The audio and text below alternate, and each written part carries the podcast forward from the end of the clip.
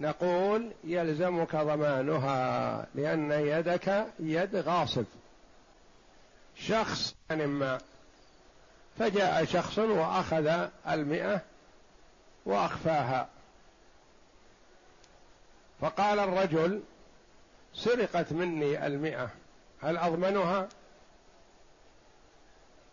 نقول انتظر. آخر أعطي مئة ريال يحفظها. فحفظها في الصندوق في صندوق الحديد. لكن تسلط السراق على الصندوق وأخذوه بما فيه بما فيه من هذه الأمانة المئة ريال. فهل يضمن الذي وضع المئة في طيات الكتب والذي وضع المئة في الصندوق الحديد؟ أم لا ضمان على واحد منهم لأن كل واحد منهم أمين؟ أم هناك ضمان على واحد دون الآخر؟ وهو كذلك. أحدهما يضمن والآخر لا يضمن. الذي وضعها في صندوق الحديد لا يضمن لأنه ما فرط ولا تساهل. ولكن الصندوق بما فيه سرق فلا ضمان عليه. والآخر وضعها بين الكتب فجاء شخص آخر وأخذها. نقول لا أنت مفرط. المئة ريال ما توضع بين الكتب. أو ألف ريال ما يوضع بين الكتب. فعليك ضمانها. يقول رحمه الله والوكيل أمين لا ضمان عليه فيما تلف تحت يده بغير تفريط. الذي وضع مئة ريال أو ألف ريال أو خمسين ألف ريال في المكتبة يعتبر مفرط. فيضمنها. والذي وضع مئة ألف ريال في الصندوق وأقفل عليها وسرق الصندوق بما فيه ليلا. لا ضمان عليه لأنه وضع مئة الألف في المكان المناسب لها. فيما تحفظ فيه الدراهم لكن سرقت مع صندوقها. فلا ضمان عليه لأنه لم يفرط. وهكذا في كثير من الأشياء من لم يفرط لا ضمان عليه ومن فرط يضمن. فإذا وضع الأمانة في المكان اللائق بها المناسب لها ثم سرقت فلا ضمان عليه. وإن وضع الأمانة في مكان لا يليق بمثلها في شدة الزحام مثلا وكثرة الناس وضع خمسين ألف في جيبه ودخل الزحام. هذا مفرط. إذا سرقت يضمن لأنه تساهل فيها. والقول قوله فيما يدعيه من تلف. وعدم تفريط وخيانة. لذلك, لذلك. والقول قوله. قول من؟ قول الوكيل.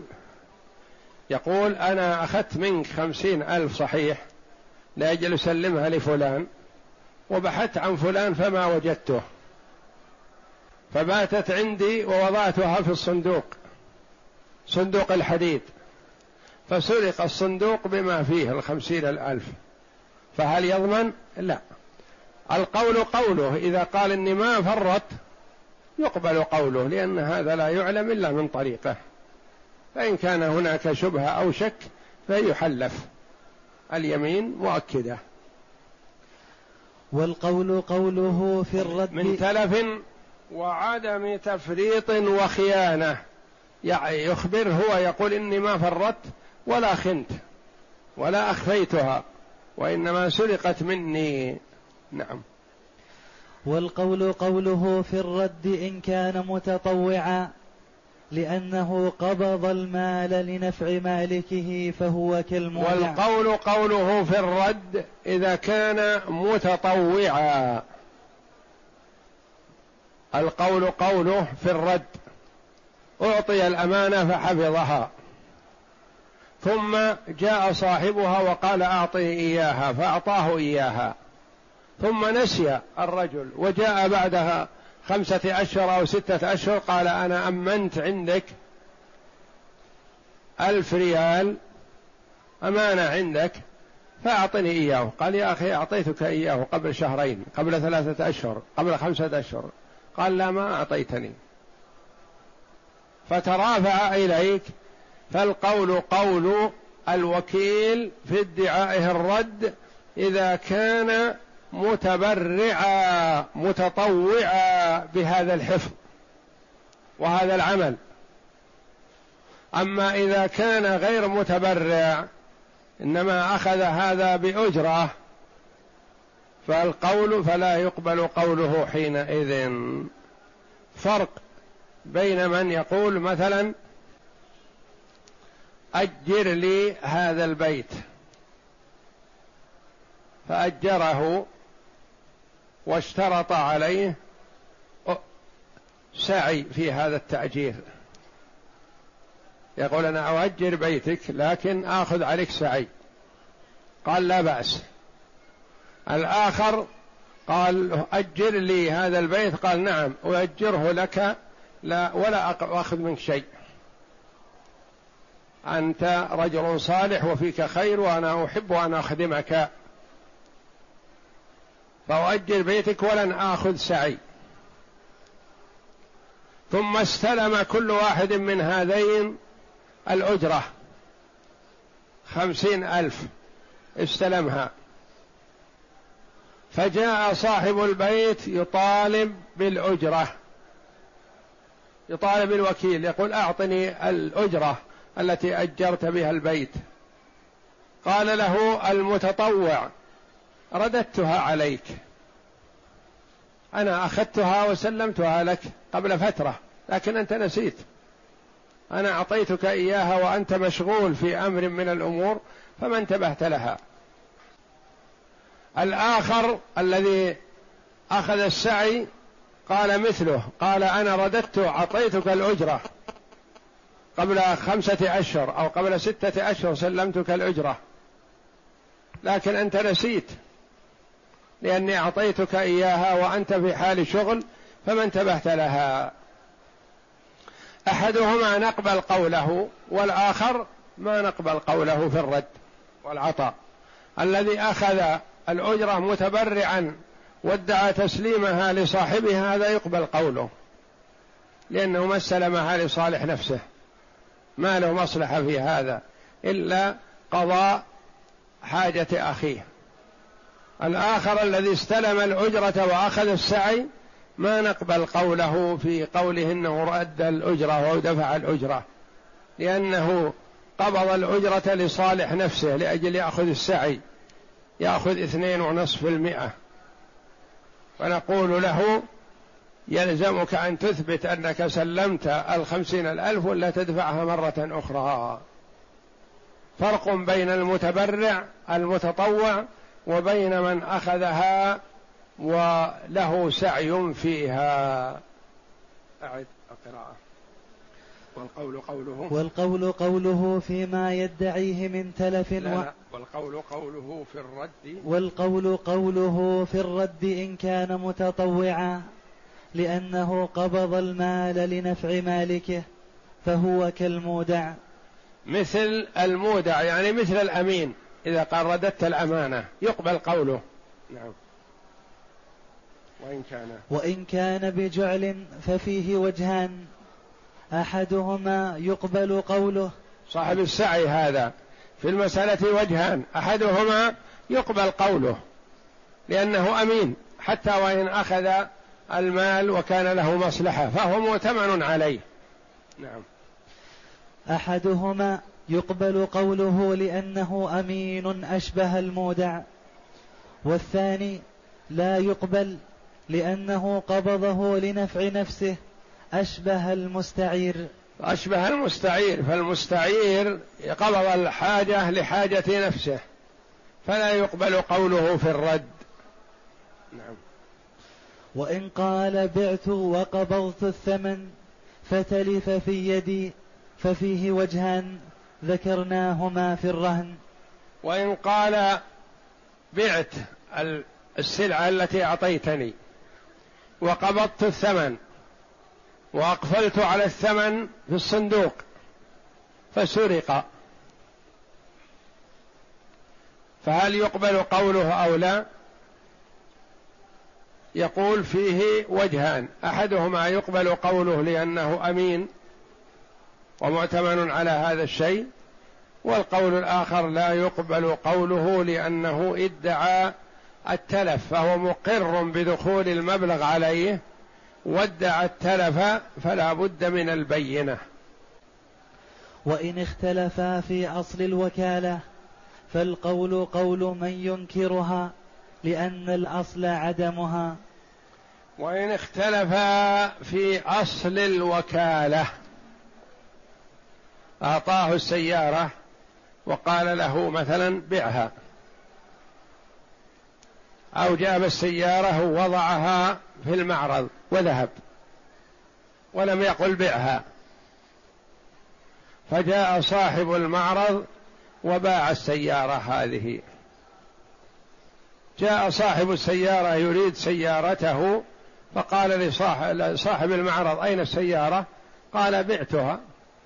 قال هذه سيارتي أنا وضعتها عندك هنا في المعرض لأني منتدب خمسة أيام عشرة أيام وقلت كونها في المعرض آمن وأطمئن لقلبي فما أردت أن تبيعها.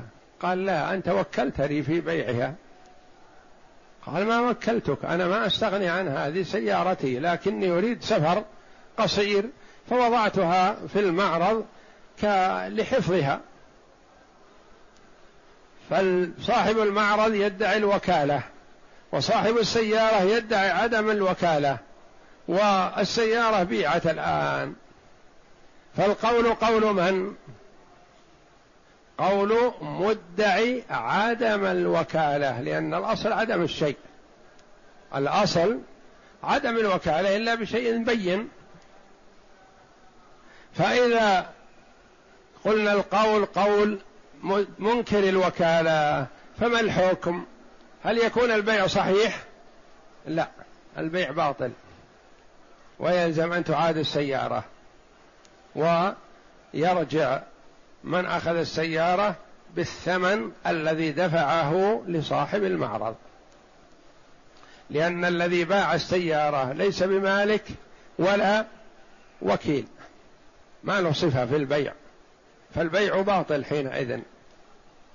وهذا معنى قول المؤلف رحمه الله وإن اختلف في أصل الوكالة. هذاك يقول وكلتني والآخر يقول ما وكلتك. فالقول قول من ينكرها. صاحب السيارة يقول ما وكلتك. فالأصل عدم الوكالة. ولو كانت الوكالة موجودة لكان لها أثر إما خطاب وإلا وكالة من كاتب العدل ولا شهود يشهدون أن أن فلانا وكل فلان في بيع سيارته. ما دام لا هذا ولا هذا فالأصل عدم الوكالة. لأن الأصل عدمها نعم. وإن اختلفا في دفع المال إلى الوكيل فالقول قوله لذلك. وإن اختلفا يعني البايع مثلا والمشتري اختلف في دفع المال إلى الوكيل. اللي عليه الثمن يقول دفعت المال واللي له الثمن يقول ما دفعت شيئا. فالقول قول منكر الدفع لأنه هو الأصل لأن الأصل أن الإنسان إذا دفع شيء يشهد عليه ما يتركه.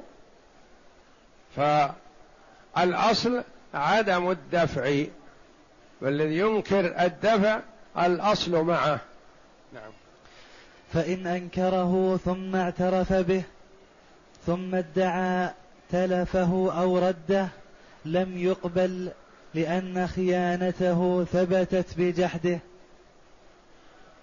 فإن أنكره ثم اعترف به ثم ادعى تلفه أو رده لم يقبل منه. جاء مثلا صاحب العين التي عند فلان فقال أعطني إياها. قال ما عندي لك شيء. قال أمنتك كذا أمانة عندك. وسافرت والآن رجعت فأريدها. قال أبد ما أعطيتني شيء ولا أعرف أن عندي لك أي شيء. هنا أنكر. توقع أن هذا الإنكار ما ينفعه. ففكر في حجة أخرى. قال الأمين ما يسأل عما اؤتمن عليه. أنا أمين. فقال نعم أنت أعطيتني كذا. وبعتها لك. ووضعتها في الصندوق عندي. وسرقت من الصندوق. قال يا سبحان الله أمس تقول ما عندي لك شيء ابدا. واليوم تقول عندي وبعتها وقبضت ثمنها ووضعته في الصندوق. أحد قوليك كذب فبانت عليك الخيانة. كان قولك الأول هو الصحيح فادعاؤك الآن كذب. وإن كان ادعاؤك الآن فأنت أنكرتني في الأول فأنت ظهرت عليك آثار الخيانة. لا يقبل منه لا هذا ولا هذا ويلزم بدفع الثمن. فإن أنكره ثم اعترف به ثم ادعى تلفه أو رده قال تلف عندي أو قردته عليك قبل أسبوع. فلا يقبل قوله لأنه ظهرت منه آثار الخيانة. وكذلك الحكم في المودع. وكذلك الحكم في المودع إذا أنكر الوديعة. ثم بعد هذا راى أن الإنكار ما ينفعه قال أدعي تلفها. وقال تلفت بدون تعد مني ولا تفريط. نقول لا ينفعك هذا لأنك أنكرت في الأول ثم ادعيت التلف بلا تعد ولا تفريط فأنت الآن تثبت على نفسك الخيانة فعليك رد المودع رد الوديعة. نعم. وإن أقام بدعواه ببينة ففيه وجهان. أحدهما تقبل لأنها شهدت بما لو أقر به لثبت فقبلت كما لو لو, لو لم ينكر. والثاني. والثاني لا تقبل لأنه مكذب لها بجحده فإن كان جحوده. نعم نعم لا. وإن أقام على ما ادعاه بينا. هو في الأول أنكر ثم ادعى التلف بعد هذا. وأحضر بينة على التلف. ففي المسألة وجهان. أحدهما لا يقبل قوله حتى لو أظهر لو أدعى البينة لو أحضر البينة. نعم, نعم. لما؟ نقول لأنه أول مكذب للبينة. هو نفسه مكذب للبينة في قوله ما عندي لك شيء. ثم اعترف وادعى التلف فما نقبل قوله ولا نقبل بينته. القول الآخر أنها تقبل البينة لأنه لو أقامها وحدها قبل الإنكار لقبلت ولا صحت. فهي بينة تثبت تلف هذه الأمانة. وقد تقدم أن قلنا إذا كان في المسألة وجهان أو قولان ونحوهما فحكم الحاكم يرفع الخلاف إذا ترافع إلى الحاكم. نعم. نعم. فإن كان جحوده جحوده. فإن كان جحوده إنك لا تستحق علي شيئا. سمع قوله في الرد والتلف لأنه لم ينكر القبض فيجوز أن يريد لا يستحق علي شيئا لتلفه أو رده.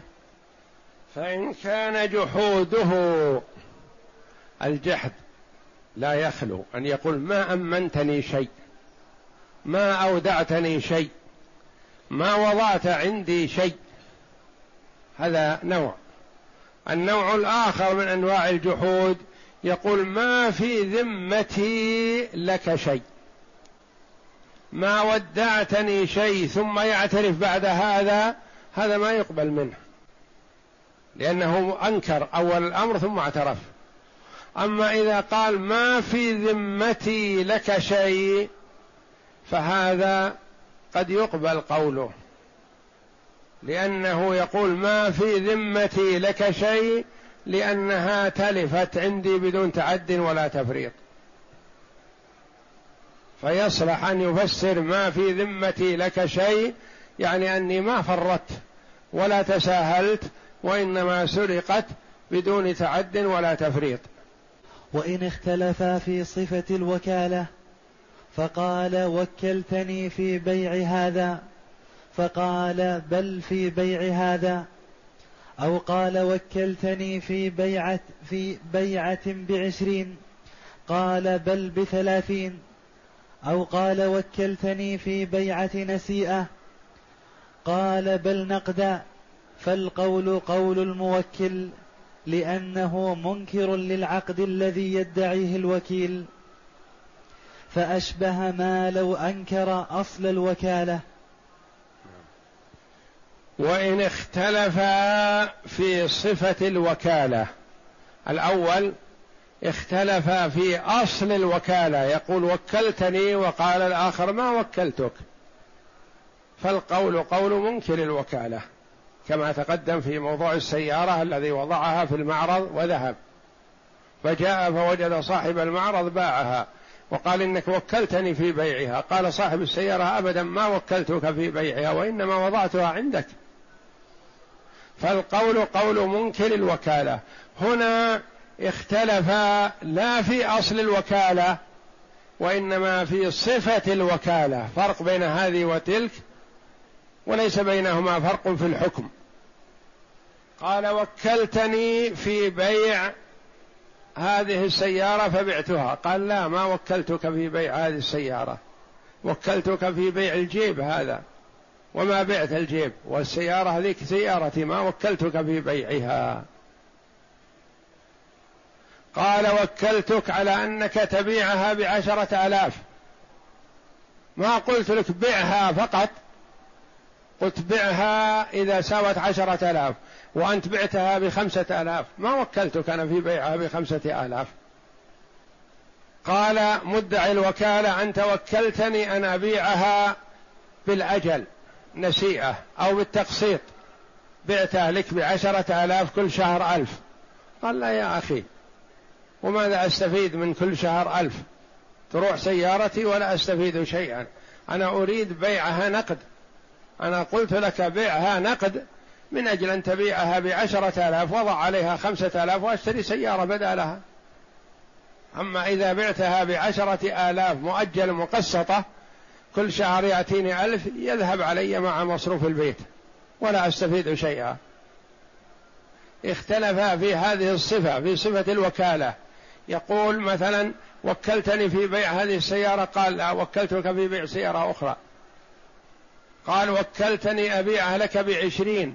قال لا يا أخي وكلتك أن تبيعها بثلاثين. إذا جابت ثلاثين ولا لا تبيعها؟ قال وكلتني أن أبيعها بالتقسيط. قال لا يا أخي ما وكلتك بالتقسيط. أنا وكلتك أن تبيعها نقد لأجل أستفيد من هذا النقد وضع عليه ما تيسر وأشتري به سيارة أخرى. اختلف في ماذا؟ في صفة الوكالة لا في أصلها. فالقول قول الموكل لها لأن الأصل معه. لأنه أصلا ما أجاز البيع إلا لهذه العين. وهو باع عينا أخرى ما وكل فيها. أو ما أجاز البيع إلا بثلاثين وقد بيعت بعشرين وهو خسران. أو ما أجاز البيع إلا بنقد. والوكيل باعها نسيئة مؤجل. فالمدعي وجود الإذن في البيع خلاف منكره. فالموكل منكر لهذه الصفة التي يدعيها الوكيل فالقول قولا. طيب ما الفائدة إذا قلنا القول قول منكر الصفة؟ في موضوع السيارة التي بيعت وهو لم يوكله في بيعها ترجع. في موضوع السيارة التي بيعت بعشرين وقد وكله في بيعها بثلاثين ترجع. ما تم البيع. في بيع السيارة الذي وكله ببيعها نقدا فباعها نسيئة ترجع. يعني فائدة هذا الخلاف أن البيع حينئذ يكون باطلا البيع غير صحيح. ترجع العين لصاحبها. ولا يقول ذاك أنا اشتريت العين وهي ملكي. نقول من باعها عليك لم يوكل بالبيع على هذه الصفة. ولأنهما اختلفا في صفة قول الموكل فكان القول قوله. اختلفا في صفة قول الموكل. الموكل قال أنا قلت لك كذا يا أخي وذاك يقول لا ما قلت لي كذا. أيهما أضبط في الغالب الذي يقول قلت لك؟ فهو يقول قلت لك وينكر قول صاحبه. فالقول قوله حينئذ لأنه يقول قلت لك إن جاب الثلاثين فبعها وأنت بعتها بعشرين فرق. فأنا ما أريد بيعها بعشرين. وهكذا. نعم. فكان القول قوله كما لو اختلف الزوجان في صفة الطلاق. اختلف الزوجان في صفة الطلاق. هذه كثيرا ما تقع. تقول الزوجة طلق ثلاث. الزوج يقول أبدا ما طلقت إلا طلقة واحدة. كلاهما معترف بالطلاق لكن الزوجة تقول طلق ثلاث تريد الخلاص منه. ولا تريد له رجوع. والرجل يقول لا ما طلقت إلا واحدة. القول قول من؟ من هو الذي بيده الطلاق؟ الزوج. ولا يؤاخذ إلا بما يعترف به إذا لم يكن هناك شهود. أما إذا كان عند المرأة شهود تقول طلق ثلاث وعندنا فلان وفلان يسمع. يؤاخذ بهذا. لأن الشهادة تثبت. لكن إذا كانوا وحدهما فهي تقول طلقت بالثلاث ويقول ما طلقت إلا طلقة واحدة. ومن المعلوم أنه إذا كان طلاق بالثلاث ما له رجعة. وإذا كان طلقة واحدة له الرجعة. فهي تريد الخلاص منه وهو يريد إمساكها. فالقول قول من؟ قول منكر الثلاث لأنه هو المؤاخذ بهذا الشيء فهو لا يؤاخذ إلا بما أقر به يقينا. وأما الغير فلا يؤخذ كلامه على صاحبه إلا إذا كان بشهود. لأن المنكر يكتفى منه بتصديقه باليمين لأن الكلام صادر منه والطلاق ما يحلف عليه لكن هذا في الأموال. وأما الطلاق ما يحلف عليه ما يقال احلف إنك ما طلقتها إلا بواحدة لا. فإذا اختلف الزوج والزوجة في صفة الطلاق فلا يثبت عند القاضي إلا ما أقر به الزوج إذا لم يكن هناك شهود. أما إذا كان هناك شهود فقول الشهود يقبل. ونص أحمد في المضارب على أن القول قوله والوكيل في معناه نص الإمام أحمد على أن المضارب القول قوله لأن أغلب المضاربة ما يعلم عنها إلا من طريقه وهو صاحب الاختصاص. فيقبل قول المضارب إذا اختلف هو وصاحبه. هذا قول للإمام أحمد رحمه الله. كان يكون مثلا المضارب يقول أنا اتفقت وإياك على أن الربح بيننا مناصفة. وصاحب المال يقول لا يا أخي لك عشرين بالمئة ولي ثمانين أو لك ثلاثين بالمئة ولي سبعين وهكذا. والمضارب الذي هو العامل يقول لا العمل في خطر يا أخي وتعب وأسفار ومشقة ونكد وبعد عن الأهل. فأنا اتفقت وإياك على أن نصيبي في المضاربة من الربح النصف ولك النصف. فالإمام أحمد رحمه الله قول عنه يقول يقبل قول المضارب في هذا. قال والوكيل مثله في هذه الأشياء. وإن كان المضارب قبض المال لحظ نفسه فيقبل قوله. وكذلك قوله في رد المال وفي تلف المال وفي الأمور الأخرى لأن المضارب قد يأتي ويقول تلف المال. فينكر رب المال يقول لا ما تلف. أقول يقبل قول المضارب لأنه لا يعلم عن تلف المال إلا من طريقه.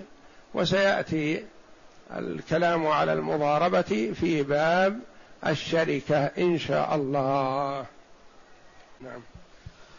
والوكيل في معناه لأنه أمين في التصرف فكان القول قوله في صفته. قول قوله.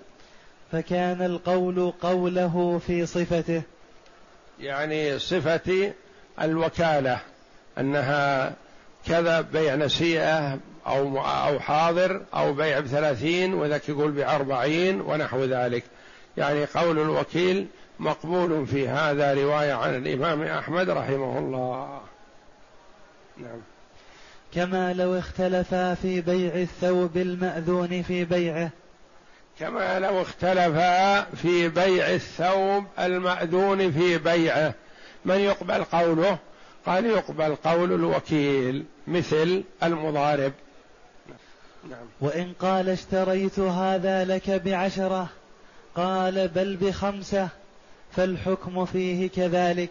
وإن قال اشتريته لك هذا بعشرة. قال بل اشتريته بخمسة.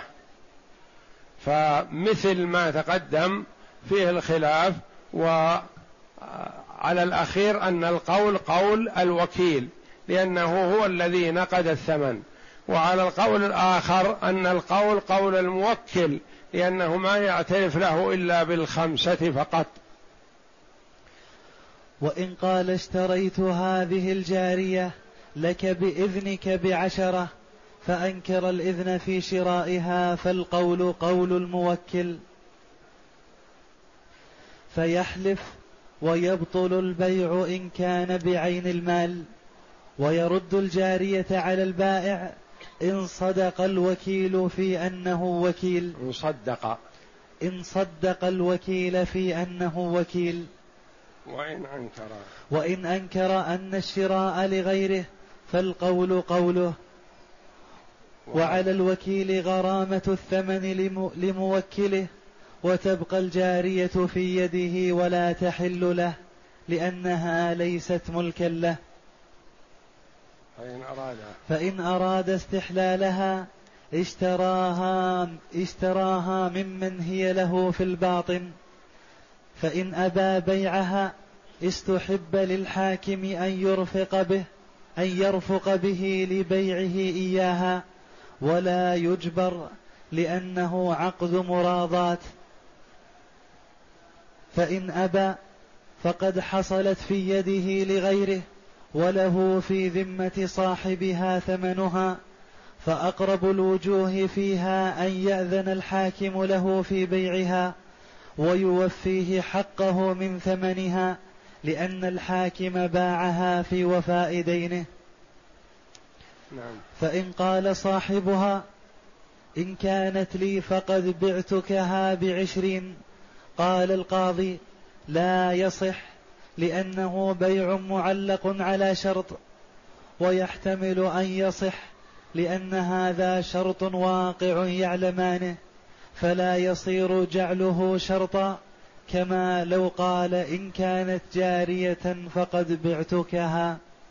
انتبه لها. هذه مسألة فيها بيع الجارية واستحلالها ونحو ذلك وهي فيها شيء من التعقيد لكنها بالانتباه آه، تظهر. يقول وإن قال اشتريت هذه الجارية لك بإذنك بعشرة فأنكر الإذن في شرائها فالقول قول من؟ قول الموكل. جاء الرجل وقال لصاحبه أنت وكلتني في شراء جارية فهذه وجدتها تباع بالسوق فاشتريتها لك. قال ابدا ما وكلتك في شراء جارية؟ ولا رغبة لي في الجارية. ولا فكرت في هذا. وإنما أعطيتك أنا خمسة الألاف التي عندك لتشتري بها لي ناقة أحلبها. وأنت اشتريت بها جارية. أنكر شراء الجارية له. القول قول من؟ قول منكر الوكالة لأنه يقول ما وكلتك في شراء الجارية. فالقول قول منكر الجارية منكر الشراء. هذه الجارية يذهب الوكيل إلى من اشتراها منه ويقول رفض صاحبي أن يقبلها بخمسة آلاف. أعطنا الخمسة الآلاف التي أعطيتك. هذا لا يخلو من أمرين إما أن يصدقه أنه وكيل وأن صاحبه رفض فيرد عليه الخمسة ويأخذ الجارية وهذه تنتهي بهذا الحد. لكن المشكلة إذا رفض ذاك قال ما أعرف أنك وكيل ولا بعت عليك أنك وكيل وإنما بعتها عليك بخمسة آلاف ولن أعيد لك الخمسة الآلاف. الوكيل يطالبه من وكله بخمسة الآلاف التي دفعها. وبايع الجارية رفض أن يقبلها. ماذا يصنع؟ نقول أولا البيع بطل بيع الجارية لأن الرجل اشتراها بخمسة آلاف لغيره وليست له ويلزمه أن يعيد الخمسة الآلاف التي اشترى بها. الجارية تبقى بيد من؟ بيد الوكيل. هل للوكيل أن يستمتع بها؟ لا ولما؟ لأنه لم يشتريها لنفسه وهو بإقراره أنه اشتراها لغيره فلا يجوز له أن يستمتع بجارية لغيره وبائع الجارية رفض أن يقبلها يقول لأني بعتها عليك وانتهيت والموكل يقول ما وكلتك في شراء الجارية والوكيل بيد هذه الجارية ولا يدري ما يصنع بها. لا يصح أن يتملكها ولا أن يستمتع بها لأنه لم يشتريها لنفسه. والموكل رفض قبولها. والبايع رفض قبولها لأنه يقول بعتها عليك ولا أعلم أنك وكيل. وإلا إذا علم أنه وكيل ورفضها الموكل يلزم قبولها. فماذا يعمل بها؟ دفع قيمتها هو. وبقيت في يده ليست ملكه. هو دفع القيمة وليست ملكه لأنه ما اشتراها لنفسه. قال يبيعها عليه الحاكم. أو يشتريها ممن هي بيده الأول. إن رضي. لا ذاك ما رضي يبيعها عليه. والحاكم قال لا ما أبيع عليك جارية بيدك. أنا ما أدري وش حقيقة الأمر ولا أدري على ماذا تنازعتم. فلن أدخل في بيع لا اعلمه قال اذا يعرض على الحاكم أن يبيعها على غيره ويوفي بها الدين الذي لزم ودفع الوكيل قيمتها لموكله. ولا يجبر الحاكم ببيعها. وقد تبقى لا لهذا ولا لهذا ولا لهذا ولا يصح لمن هي بيده أن يستمتع منها بشيء لأنها ليست ملكه ولا يجوز الاستمتاع بأي امرأة إلا بأحد أمرين وهما عقد نكاح أو ملك يمين. ولا عقد نكاح هنا لأنها جارية ولا ملك يمين لأنه لم يشترها لنفسه.